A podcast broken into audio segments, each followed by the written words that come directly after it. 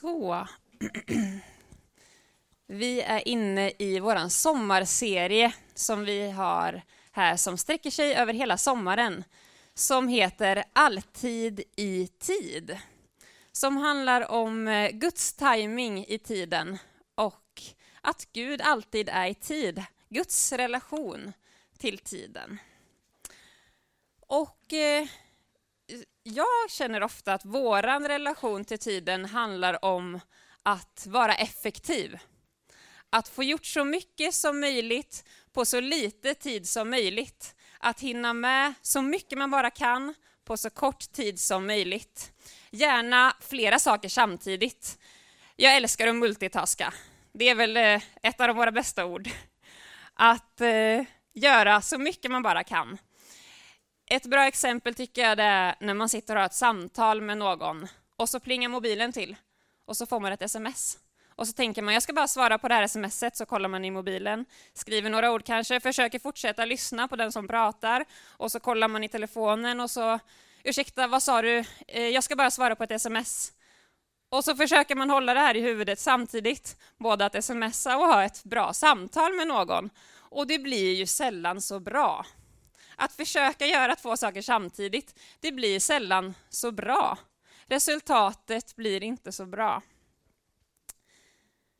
Nu skulle jag behöva två frivilliga som vågar vara med här framme på scenen. Två frivilliga, inget farligt. En liten enkel. Eh, bra, Rickard har vi, så behöver vi en till. Ja, du vågar Sabine. Man behöver bara kunna skriva. Nej, men det kommer gå så bra. Det är en liten tävling. Eh, men vi kan säga så här, eh, det kommer vara ganska uppenbart vem som kommer vinna. Eh, så ni behöver inte känna någon prestationsångest, utan eh, ta det lugnt. Eh, då är det så här, Rickard får den här tavlan här borta och Sabine får den här. Det är inte jätteviktigt att ni ser, utan det kommer komma en liten poäng efteråt. Eh, så, eh, men vi, ni ser ändå lite att det är två papper här, och ni ska skriva varsin sak på de här papperna. Rickard, på den här sidan, ska börja skriva alfabetet. A, B, C, D, E och så vidare. Och siffrorna 1 till eh, 28 siffror har vi, eh, bokstäver har vi i alfabetet, va? Ja. Eh, så då ska du skriva A1, B2, C3 och så vidare till hela alfabetet och alla siffror är färdiga på det här pappret. Sabine får en annan uppgift. Hon ska skriva A till Ö. Först A, B, C, D, E.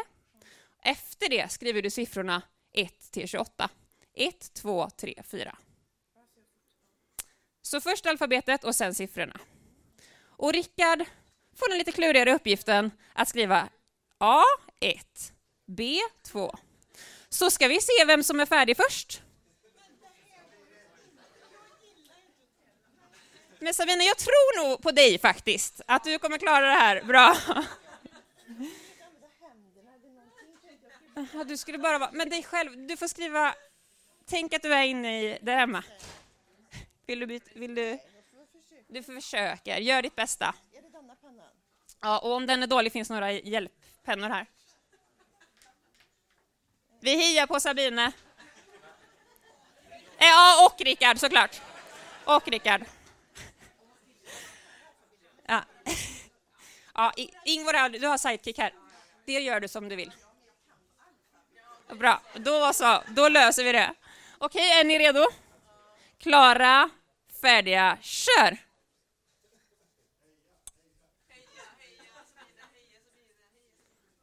Sabine är uppe i JKLM. Vad har vi Rickard här? Han är på F. Å, Ä, Ö. Där var hon färdig med alfabetet. Hur går det där borta? Ska vi se. J, K, L M 19, 20, 21, 22, 23, 24, 26, 27, 28 och där var det slut. Du hann ändå till S, Rickard. Riktigt bra jobbat. Tack.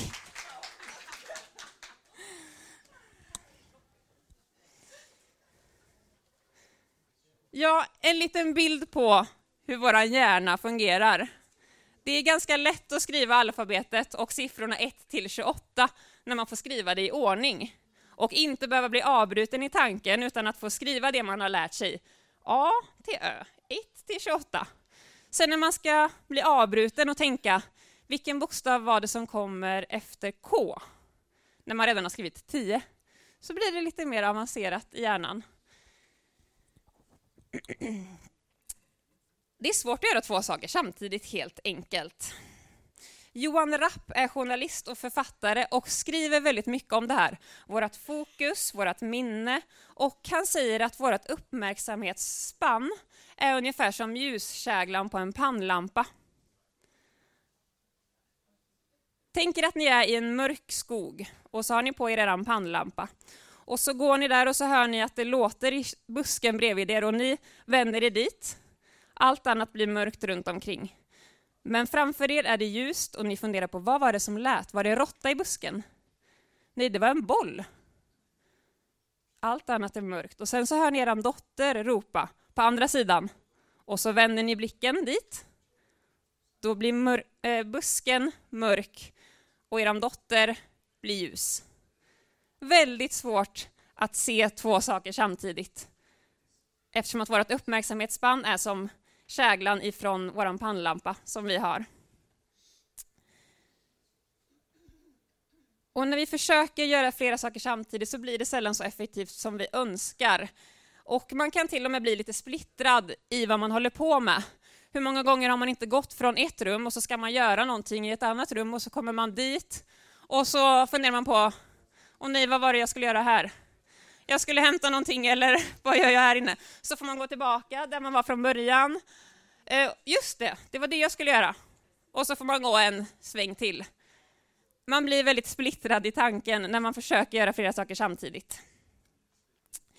Det är som historien om två vänner som möts i ett gathörn. De pratar intensivt med varandra om hur dagen har varit och vad de håller på med. Och så säger den ena, men var kom jag ifrån? Och så säger den andra, men du kom ju därifrån. Ja, men vad bra, då vet jag att jag har ätit lunch idag i alla fall. Så är det lite med vårt fokus. Jag tror vi behöver lära oss att lugna ner oss och ta en sak i taget för att inte bli så splittrade i vår tanke. Tänk om vi skulle våga vara lite onyttiga. Vi ska läsa från Lukas 10.38. Medan han var på väg kom Jesus in i en by och en kvinna som hette Marta tog emot honom i sitt hem. Hon hade en syster, Maria, som satte sig vid Herrens fötter och lyssnade till hans ord. Marta däremot var upptagen med alla förberedelser och hon kom fram och sa Herre, bryr du dig inte om att min syster har lämnat mig och sköta allting själv?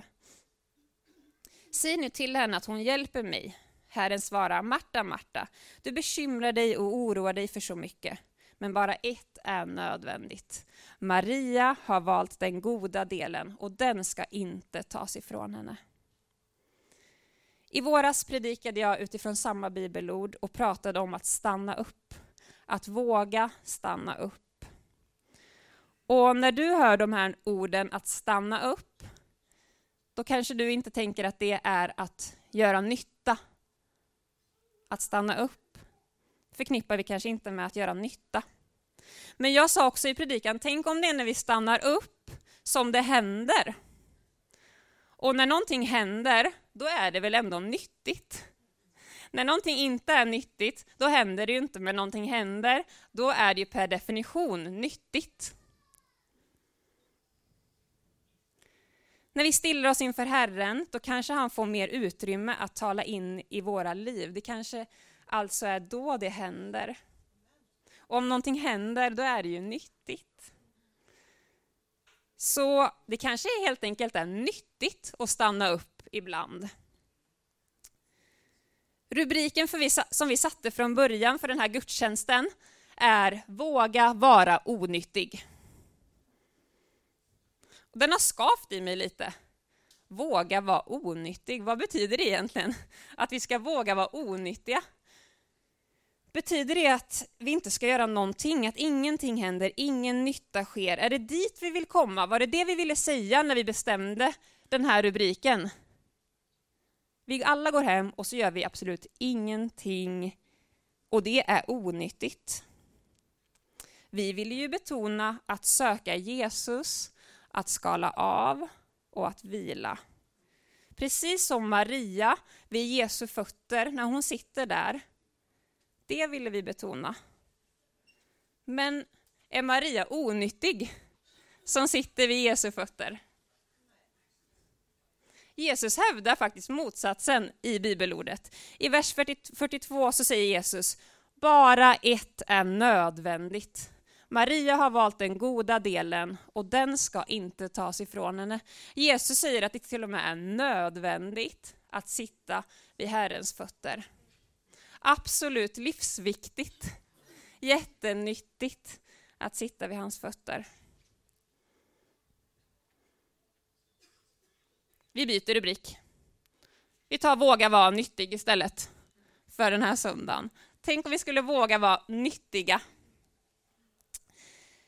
När jag har varit på tyst retreat, då åker man oftast iväg någonstans. Man stänger av så mycket man kan, sin telefon, man åker ofta dit själv, kanske inte med människor som man känner. Och sen så får man det mesta serverat. Jag har inte på mig någon klocka jag har ingen telefon, inga roliga böcker, ingenting. Jag åker dit helt ensam. Och när vi ska ha samlingar, när vi ska äta, så är det någon som plingar i en klocka eller kommer och knackar på min dörr, så jag behöver inte ens tänka på det. Och att jag har så få saker att fästa min uppmärksamhet på, det tror jag gör att Jesus får tillfälle att få hela min uppmärksamhet. När jag har så få saker att fästa min uppmärksamhet på, jag tror det ger Jesus ett tillfälle att få hela min uppmärksamhet. Och att ge Jesus sin fulla uppmärksamhet, det tror jag är allt annat än onyttigt. Det tror jag är nyttigt. Jesus säger, Marta, bara ett är nödvändigt. Maria har valt den goda delen och den ska inte tas ifrån henne. Men det kanske skaver i oss lite, att till och med tron på Jesus ska vara nyttig. Vi associerar ofta ordet nytta till någonting som vi måste göra och då kan väl i alla fall tron på Jesus, att vara här i kyrkan, få vara en plats, en frizon från alla de här måstena och allt som vi behöver fixa och göra. Vi vill ju inte leva ett lagiskt liv. Men problemet blir ju att om vi påstår att äta, laga mat, städa, jobba är nyttiga saker, men att vila, att ta tid för Jesus och att skala av helt är onyttigt, då tror jag att vi har fel bild av vad livet egentligen innebär. Alltså tänk vad mycket gott Gud har skapat för oss som vi får leva i.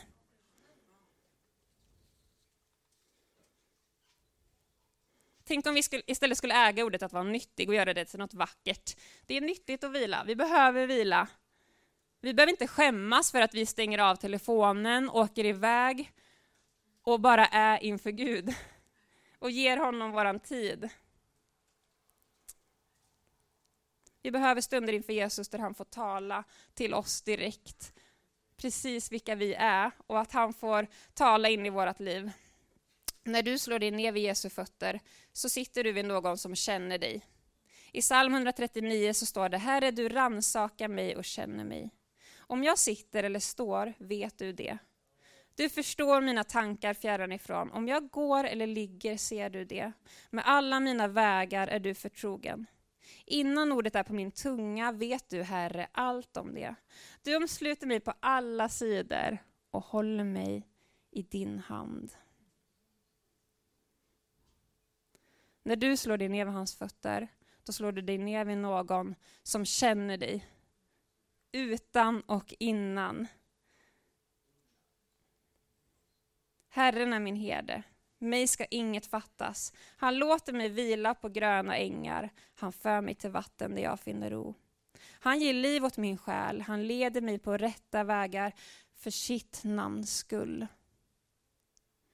Även om jag vandrar i dödsskuggans dal fruktar jag inget ont, för du är med mig. Din käpp och din stav, de tröstar mig. Du dukar för mig ett bord i mina fienders åsyn.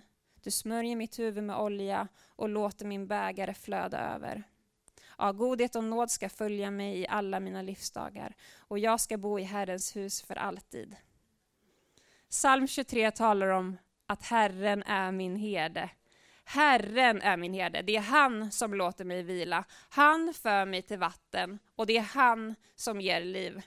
Hans goda för våra liv vill ta plats när vi närmar oss honom.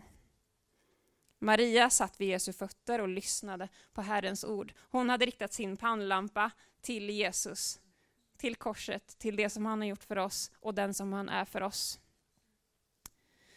Men hur gör man då när man riktar sin pannlampa till Jesus?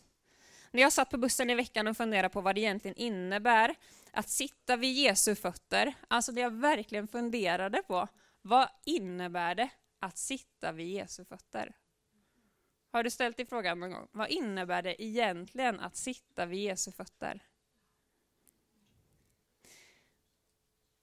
Och det är ju en slags bön såklart. Bönelivet är ju när vi tar tid med honom. Och i Matteus 7 och 7-8 så står det be och ni ska få, sök och ni ska finna, bulta och dörren ska öppnas för er.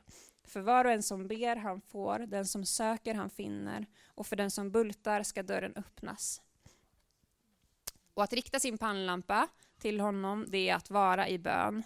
Och jag tror att relationen och bönelivet tillsammans med honom handlar om att göra mig tillgänglig för honom, kanske snarare än att planera in massa bönetillfällen. För mig är det så i alla fall. Jag vet inte hur det är för dig. Jag tycker att det är svårt när jag ska planera in. Men om jag istället skalar av och gör mig tillgänglig så talar han. Det är min erfarenhet. En eftermiddag så hängde jag med en ungdom hemma i min lägenhet och hon var inte kristen och hade inget kristet sammanhang överhuvudtaget. Och så sa hon, Linnea, du tror på Jesus. Du är ju kristen. Hur ber man egentligen? Hur gör man när man ber? Kan inte du visa mig? Kan inte du lära mig att be? Och så bara pratade vi tillsammans med Jesus. Och hon använde sina egna ord och bara utgöt sitt hjärta inför honom och sa exakt vad hon tänkte och vad hon kände. Och hon fick ge mig en lektion i hur det är att be istället för jag. Och jag insåg så mycket att det är ju en relation. Det är ju en relation att vara med honom. Ett samtal mellan två vänner. Det är så naturligt och egentligen så okomplicerat att sitta vid hans fötter. Och ibland så tror jag att vi gör det så mycket mer komplicerat och funderar på vad är den perfekta bönen, hur lovsjunger jag, hur gör jag? Men alltså Gud har ju skapat oss till lovsjungande varelser, till bönmänniskor. Så utgjut ditt hjärta för honom. Det är det han vill, han vill att du ska vara du.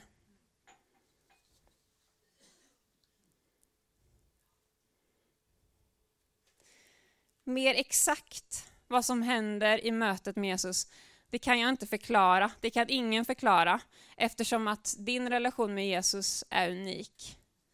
Jesus är en person och du har din relation med Jesus. Eller kanske kommer ha en dag. Precis som med en vän eller med en partner eller med, som med min man så är man inne i olika tider i en relation, olika nyanser av en relation och jag och min man, ibland så pratar vi om väldigt tunga saker och vi går igenom jobbiga grejer. Och då är det det vi pratar om och det är det som fokuser vi fokuserar på. Det kan kännas lite jobbigt i relationen ibland. Men vi finns ändå där och vi tar det med varandra. Ibland är det jättelätt och roligt och vi har det bara gött tillsammans. Och så är också en relation. Och ibland så är vi bara med varandra och vilar utan att säga ett ord överhuvudtaget. Och det är så viktigt och så nyttigt att bara få vara det. Marta hade fullt upp med sina sysslor. Och Maria, hon skalade av. Hon satte sig ner och gjorde ingen nytta alls. Eller så kanske det var hon som gjorde den största nyttan av de båda.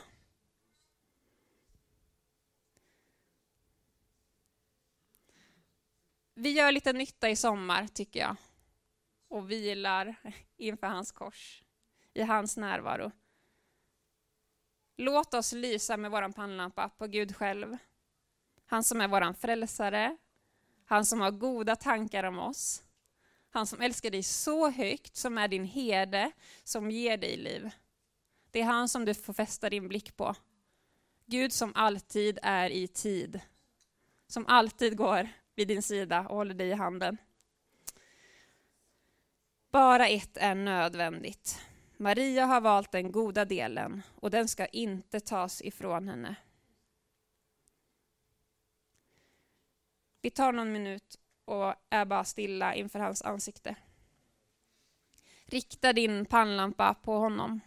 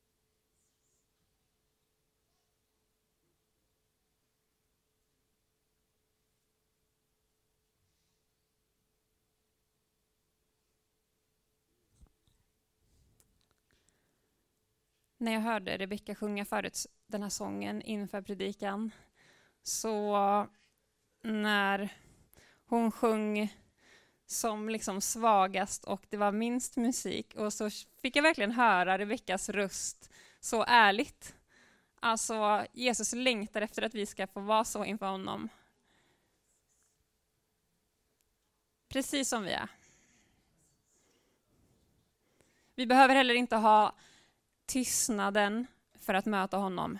Utan du kanske är en sån som lyssnar på jättehög musik och, jag vet inte, dansar helt bananas hemma när du umgås med Jesus. Men jag tror att det är värt att skala av lite.